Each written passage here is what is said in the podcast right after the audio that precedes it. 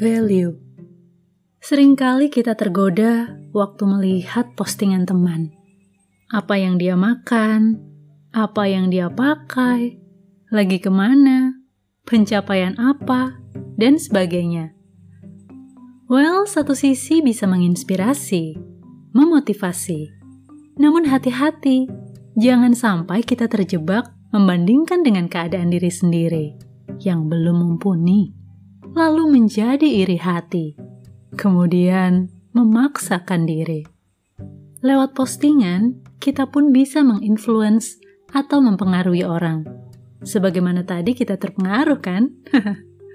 Namun, ada yang jauh lebih mahal atau berharga dari sekadar apa yang dimakan, dipakai, atau pencapaian apa, yaitu nilai, value, value yang tak akan lekang oleh waktu, nilai kebenaran yang diwariskan dari generasi ke generasi.